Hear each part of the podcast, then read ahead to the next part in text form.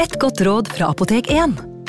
Nå er snart pollensesongen i gang, og et godt råd til deg som sliter med pollenallergi, er å begynne behandlingen i god tid før allergisesongen starter. Da får du nemlig enda bedre effekt av legemidlene, og så blir ikke våren din helt ødelagt. Kom innom og få råd på ditt nærmeste Apotek 1, eller chat med oss på apotek1.no. Apotek 1 vår kunnskap, din trygghet.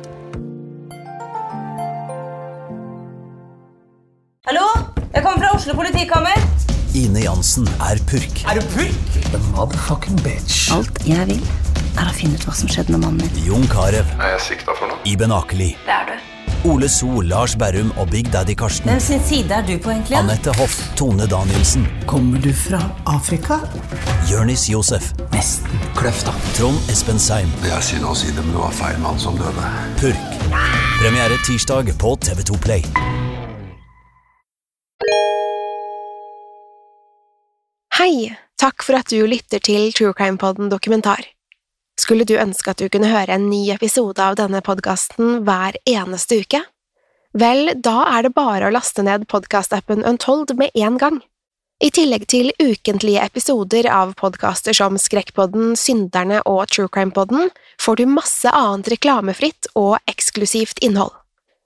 Last ned Untold i AppStore eller Google Play, og start din 30 dagers prøveperiode i dag. you.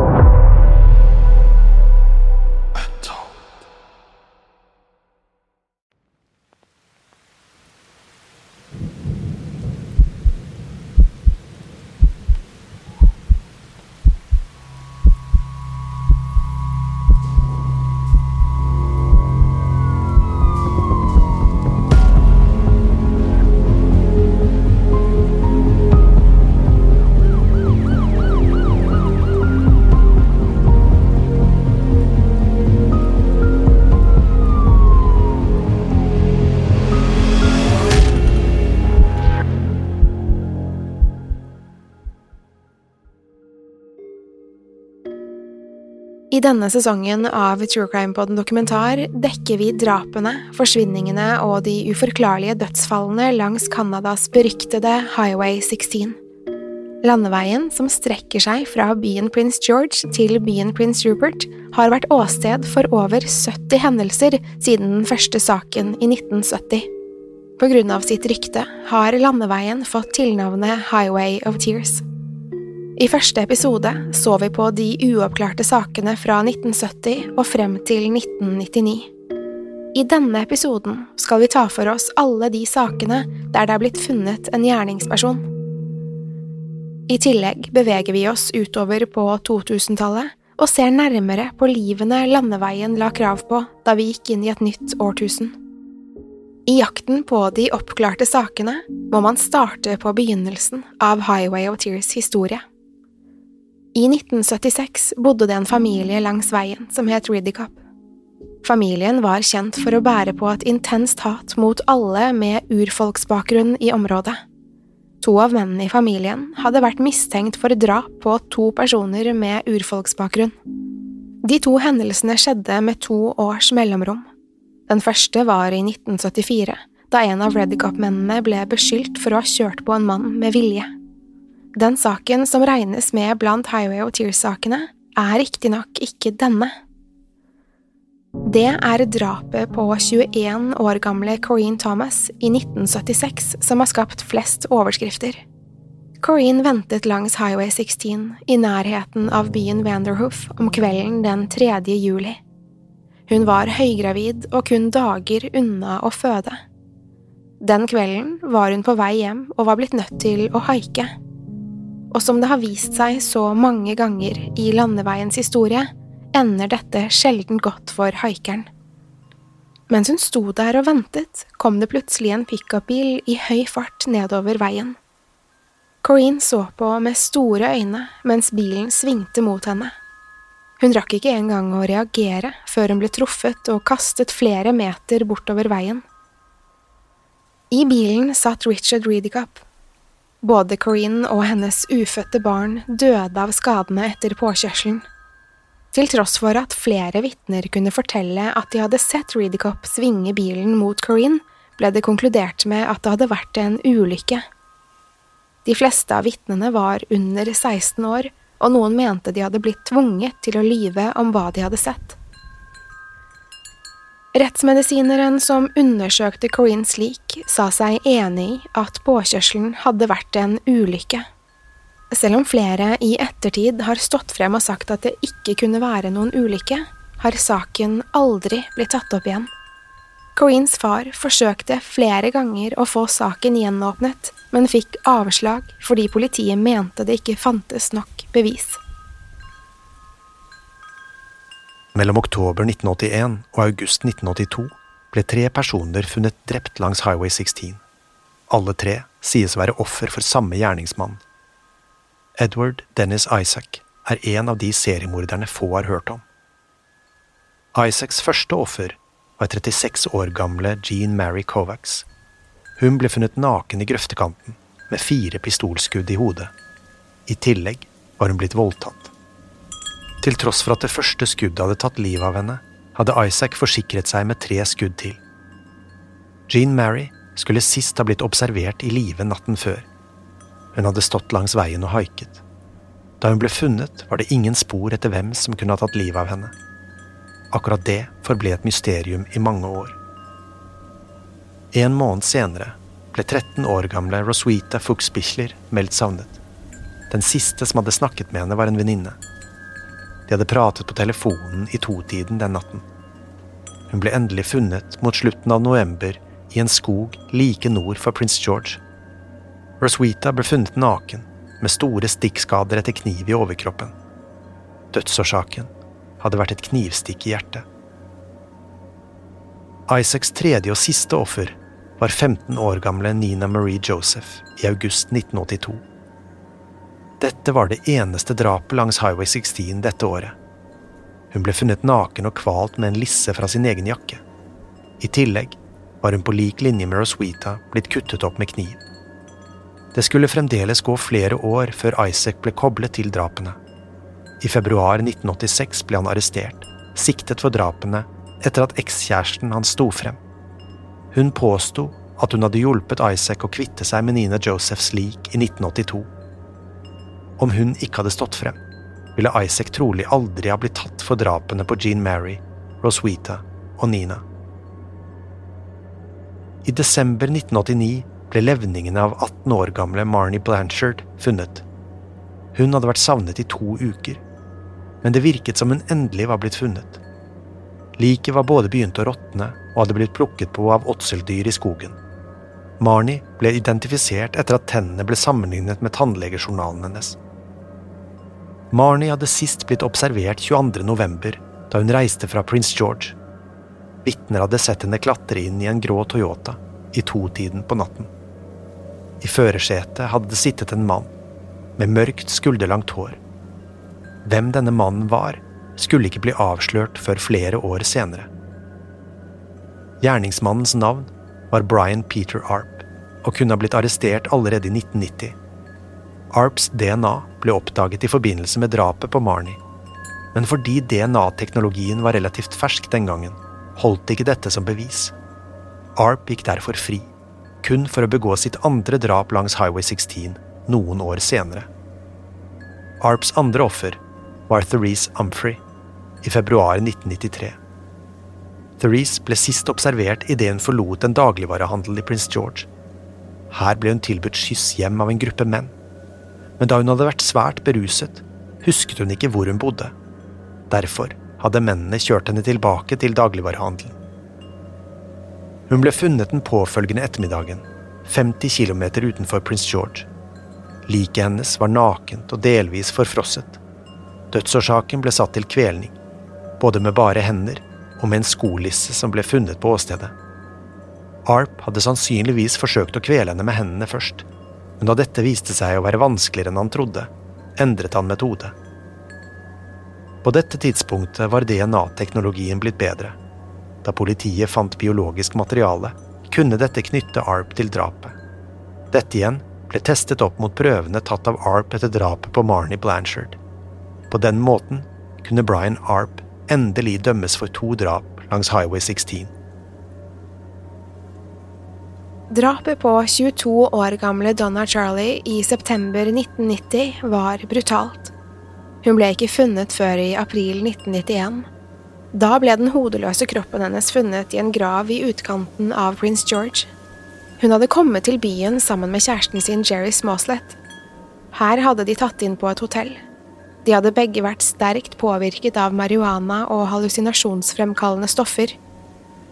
Etter klager på bråk fra parets hotellrom hadde eieren av hotellet tatt seg inn på rommet. Det hadde vært et eneste stort kaos, og det var blod overalt. I mai 1991 ble Donnas kjæreste Jerry siktet for drapet. Han innrømmet straffskyld og kunne bekrefte hvor han hadde gravlagt liket. Til tross for at han også forklarte hvor Donnas hode var blitt gravd ned, ble det aldri funnet. Det ble også begått et drap langs Highway 16 i 1992. Det skjedde i januar i et lite hus som lå like inntil veien. Wayne Sullivan og hans kone Maureen hadde festet hele natten sammen med en annen kvinne som het Sandy. De hadde hatt en hyggelig kveld sammen, og da festen var over, vinket de Sandy hjem. Da de kom hjem, foreslo Wayne å invitere Sandy med i ekteparets seng en gang. Wayne og Maureen hadde vært gift lenge, og Wayne mente at de trengte å puste litt nytt liv i forholdet. Men da Maureen ikke ville, ble han rasende. Han kjeftet og skrek, mens Maureen forsøkte å forklare at hun ikke var interessert i å ha en annen kvinne i sengen sin. Kvelden endte med at Wayne skjøt sin egen kone i hodet. Han ble arrestert og ble dømt til fem års fengsel. I april 1995 ble 25 år gamle Sheila Faye Kinnequan og hennes tre år gamle datter Christine funnet døde i en leilighet langs Highway of Tears. Både Sheila og datteren var blitt kvalt til døde. Den samme dagen ble 26 år gamle John Joseph Seymour funnet død under en bro i Prince George. Seymour var Christines far og Sheilas ektemann, men de hadde vært separert en periode og hadde planer om å skilles. Det er vanskelig å si hva som egentlig skjedde med dem alle. Likevel var politiets teori at Seymour hadde tatt livet av Sheila og datteren før han hadde begått selvmord. Seymours kropp var knust mot asfalten under broen. Det var mye som tydet på at han hadde hoppet. Politiet mente at han ikke hadde klart å bære skammen over å ha drept Sheila og Christine, og tok sitt eget liv. Bonnie Moonies aggressive eksmann Roland Kruska var en dråpe unna å begå en utilgivelig handling. Bonnie hadde gått fra ham fordi han var voldelig og mishandlet både henne og datteren hennes på tolv år. Han hadde til og med sittet fengslet for å ha kvalt Bonnie. Kruska hadde alltid vært sykelig sjalu og sørget for å gjøre Bonnies liv vanskelig og ukomfortabelt. I mars 1996 hadde Bonnie anmeldt Kruska etter at han hadde forfulgt henne i bil. Da hadde politibetjenten som tok henne imot, gitt henne råd om å skaffe seg en advokat. Deretter hadde saken blitt glemt bort på politistasjonen i Clucless Lake. Om de bare hadde tatt Bonnies anmeldelse på alvor den gangen, kunne kanskje et liv vært spart. En måned senere var nemlig Kruska ute igjen for å plage Bonnie. Han brøt seg inn i huset hennes med en avsagd hagle på armen. Men Bonnie var ikke hjemme den dagen. De som var der, var Bonnies venninne Hazel White og Bonnies tolv år gamle datter. Da Kruska fikk se Hazel, begynte han å skyte mot henne og den tolv år gamle jenta. Hazel fikk så alvorlige skader at hun døde i Bonnies hus. Datteren ble også truffet av skuddene, men overlevde. Da Kruska forsto hva han hadde gjort, forsøkte han å sette fyr på huset for å skjule handlingene sine. Da han ikke fikk det til, bestemte han seg for å ta sitt eget liv. Han klemte leppene rundt løpet på haglen og trykket inn avtrekkeren. Nok en gal ektemann skulle ta sin hevn i august 1997. 47 år gamle Wendy Ann Ratty forsvant under en handletur i Prince George. Bilen hennes ble funnet, men Wendy var ikke å se noe sted. Politiet mistenkte med det samme Wendys ektemann, Dennis Ratty, men hadde ikke nok bevis til å arrestere ham. Det var ikke før i 2008, da politiet gjennomførte en undercover-aksjon mot Ratty, at han tilsto. Han fortalte en politibetjent at han hadde skutt Wendy og dumpet liket i en sump. Dennis ble siktet og dømt til livstid i fengsel, men Wendys kropp ble aldri funnet. Dette var et av de sjeldne tilfellene hvor det ikke trengtes noe lik for å få gjerningspersonen dømt. Christopher Morris Alexander var sint og full den kvelden i desember 1998. Han følte for å rane noen, og dukket opp utenfor huset til 36 år gamle Linda Frank. Alexander dro på seg en finlandshette og tok seg inn i Lindas hus, like ved Highway 16. Linda oppdaget Alexander og forsøkte å rømme fra huset sitt, men det kunne ikke Alexander ha noe av. Til tross for at han kun var der for å rane henne, var det noe som fikk ham til å gå til angrep på Linda. Det var som alt hadde svartnet for ham. Da han kom til seg selv igjen, satt han oppå Lindas livløse kropp, med blod dryppende fra kniven sin. Hun var allerede død, men Alexander klarte ikke å slutte å stikke henne med kniven. Da han var ferdig, hadde Linda 38 knivstikk i overkroppen. Historien om Amanda Jean Simpson er tragisk. Stefaren hennes mishandlet henne og søsteren hennes daglig. Amandas søster hadde til og med fortalt en voksen hun stolte på, om hvordan de hadde det hjemme, og at de trengte hjelp. Men hjelpen nådde ikke søstrene i tide. I oktober 1999 ble Amanda fraktet til sykehuset med massive hodeskader.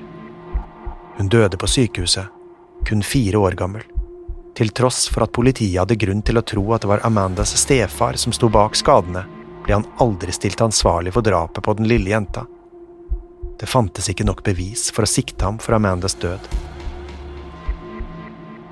2000-tallets første drap langs Highway of Tears var ikke som de fleste andre drapene. Dette ble begått i full offentlighet, midt på lyse dagen. Et vitne så 28 år gamle Tracy Jack løpe over en parkeringsplass utenfor motorsykkelforretningen der hun jobbet. Etter henne, med en hevet revolver, kom Tracys eksmann, Gordon Wolff. Om han ikke kunne få henne, skulle ingen andre få henne heller. Han skjøt etter henne, mens hun snublet inn i forretningen.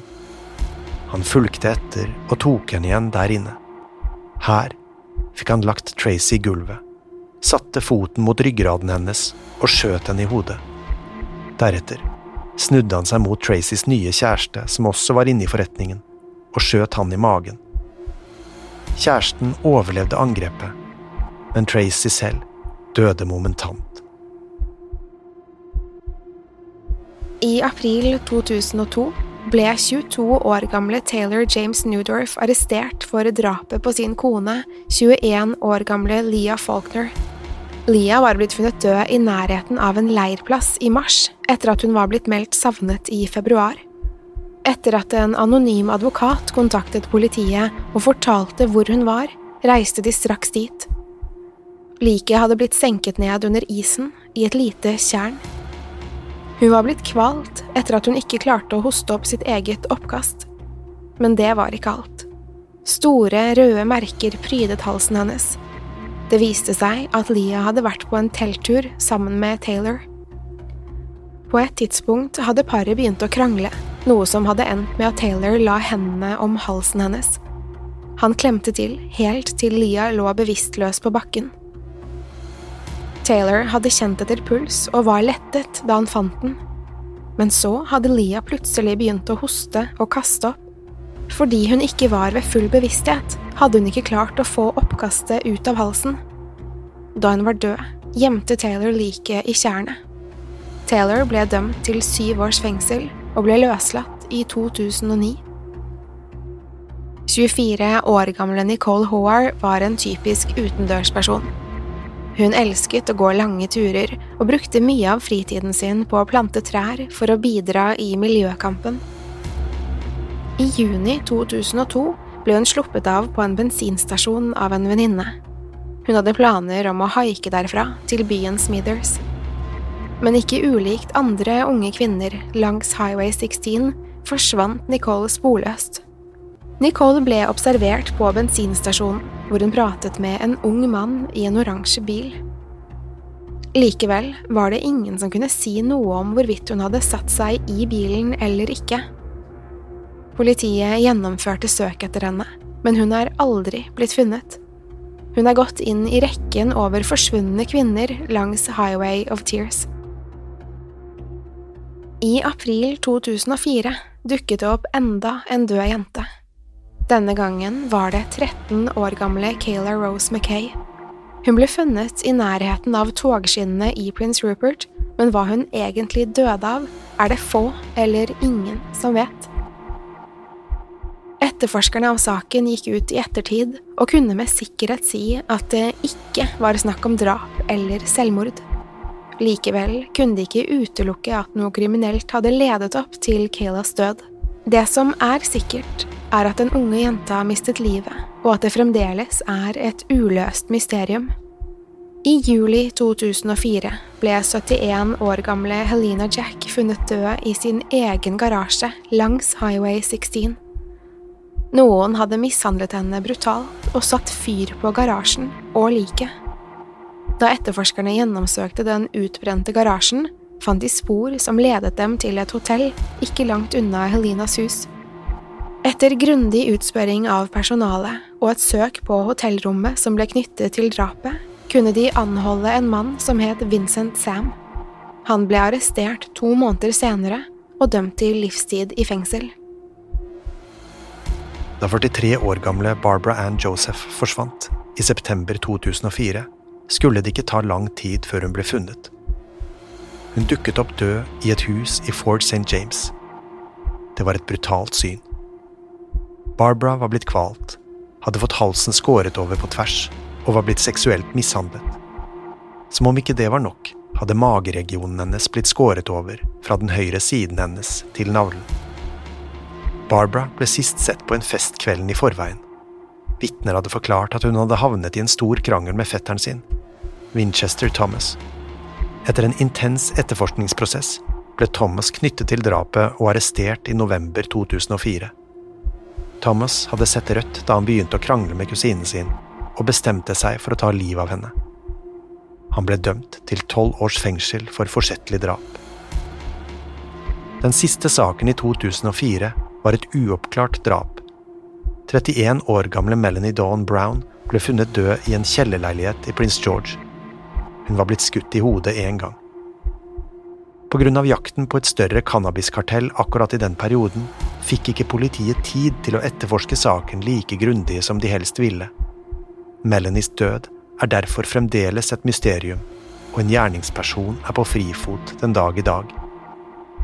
Da 22 år gamle Tamara Lynn Chipman forsvant fra Prince Rupert i september 2005, symboliserte dette et vendepunkt i måten Highway of Tears-saker ble etterforsket. Tamaras forsvinning minnet mest om sakene langs Highway 16 på 70- og 80-tallet. Hun var en blid og omgjengelig kvinne som elsket naturen, og brukte mye av fritiden sin på å gå turer i skogene rundt landeveien. I likhet med flere av de tidligste ofrene hadde hun haiket langs veien da hun forsvant, og ble aldri sett igjen. Politiet i Prince Rupert og byen Terrace slo seg sammen om å gjennomføre store søk langs landeveien og de mange sideveiene mellom de to byene. Til tross for at det ble lagt store ressurser i å finne Tamara, dukket hun aldri opp. Men denne forsvinningen skulle bli starten på et stort prosjekt som skulle etterforske sakene langs Highway 16. Den høsten ble det nemlig opprettet en arbeidsgruppe av det nasjonale politiet i Canada. Prosjektet fikk navnet EPANA og skulle arbeide eksklusivt med flere saker knyttet til landeveien. Navnet EPANA var en sammensetning av E-Division som er politidistriktet som dekker saker i delstaten British Columbia, og Pana, som er en guddom i inuittenes mytologi. Pana er gudinnen som passer på sjeler før de sendes til himmelen eller gjenfødes. I Pana-prosjektet ble i utgangspunktet opprettet for å etterforske Highway of Tears-saker, men innen ett år var gått, ble også saker fra andre landeveier inkludert. På listen over ofre er det 18 navn, hvorav 10 er knyttet til Highway 16. Grunnen til at så få av de over 70 sakene kom på listen, var at det ble stilt visse kriterier til sakene i Pana-prosjektet skulle etterforske. Ofrene måtte være kvinner som hadde utsatt seg for stor fare ved å haike med fremmede, befinne seg et sted uten vitner eller bedrev prostitusjon. I tillegg måtte ofrene ha blitt drept eller forsvunnet fra Highway 16, og senere også Highway 5, 24 eller 97. Det siste kriteriet var at beviser tydet på at kvinnene var blitt utsatt for et angrep fra noen de ikke kjente. Listen inkluderer derfor ikke tilfeller der det gjelder vold i nære relasjoner, eller der det er snakk om selvmord eller ulykker. Spesielt pga. kriteriet om at kvinnene måtte ha utsatt seg selv for stor fare, var det flere familier som ikke ville at deres kjære skulle settes på listen. Tamara Chipman ble det første offeret som ble lagt til i IPNA-listen. Så ble flere navn fra tidligere drap og forsvinninger helt tilbake til 70-tallet lagt til. Ett år etter Tamaras forsvinning skulle enda et navn legges til. Ayla Katharina Sarik Auger var bare 14 år gammel da hun forsvant. Hun var på vei til en overnattingsfest en kveld i februar 2006. Men hun skulle aldri komme hjem igjen. Hun ble sist sett i live da hun ble fanget opp av overvåkningskameraer på vei hjem i ett-tiden den natten. Aila var borte i seks dager før hun ble funnet blek og livløs i en grøftekant langs Highway 16. Vitner mente å ha sett henne senere den natten. Hun skal ha klatret inn i en svart kassebil med en ukjent mann. Men denne observasjonen ble aldri bekreftet.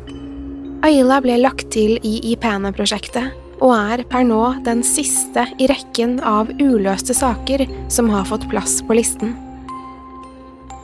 Etter hvert som 2000-tallet rullet videre, var det en uventet utvikling i antall forsvinninger og drap langs den beryktede landeveien. Til tross for ny teknologi som gjør det vanskeligere å begå kriminalitet uten å bli tatt, har tallene på antall saker steget. 2010-tallet skulle bli det blodigste tiåret hittil i Highway og Tears historie. Antall løste saker er gått opp.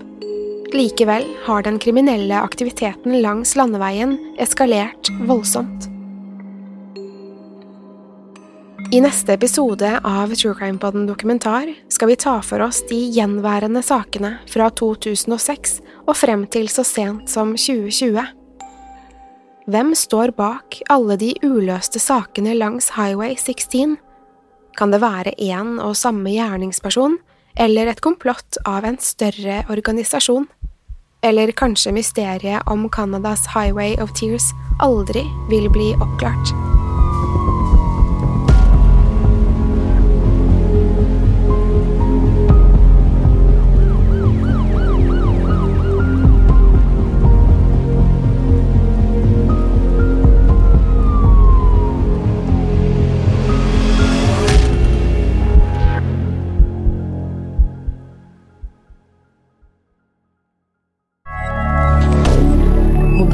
Media. Ukens annonsør er Folio, en smartere banktjeneste for deg som har en egen bedrift eller ønsker å starte for deg selv. Folio er en superenkel nettbank for bedrifter. Som kunde i Folio får du en bedriftskonto med et bedriftskort og app. I denne appen er det smarte løsninger som forenkler regnskapet ditt, uansett om du har en liten bedrift eller et enkeltpersonsforetak. Folio er både intuitivt og brukervennlig, og er laget med et enkelt språk. I tillegg tilbyr de forutsigbare priser og ingen skjulte gebyrer. Skulle du likevel trenge det, så kan du snakke med deres raske og hyggelige kundeservice, og der får du prate med en faktisk person og ikke en chatbot. Folio er med andre ord både enklere og koseligere enn banken. Over 10 000 bedrifter har allerede valgt Folio som sin banktjeneste, så besøk folio.no og se hvordan Folio kan forenkle din hverdag også. Har du et enkeltpersonforetak eller en liten bedrift? Da er du sikkert lei av å høre meg snakke om hvor enkelt det er med kvitteringer og bilag i fiken, så vi eh, gir oss her, vi. Fordi vi liker enkelt. Fiken superenkelt regnskap. Kiwi er billigst i VGs matbørs og har vært billigst i fire av de fem siste VGs matbørser. Og nå presser vi prisene på frukt og grønnsaker. På 200 gram broccolini setter vi prisen til 24,90. På På 400 gram Cevita blåbær setter vi prisen til 49,90. Og husk, alle Kiwi Pluss-kunder får i tillegg 15% trumfbonus på all fersk frukt og grønt. For det er vi som er prispresserne. Og vi i Kiwi gir oss aldri på pris.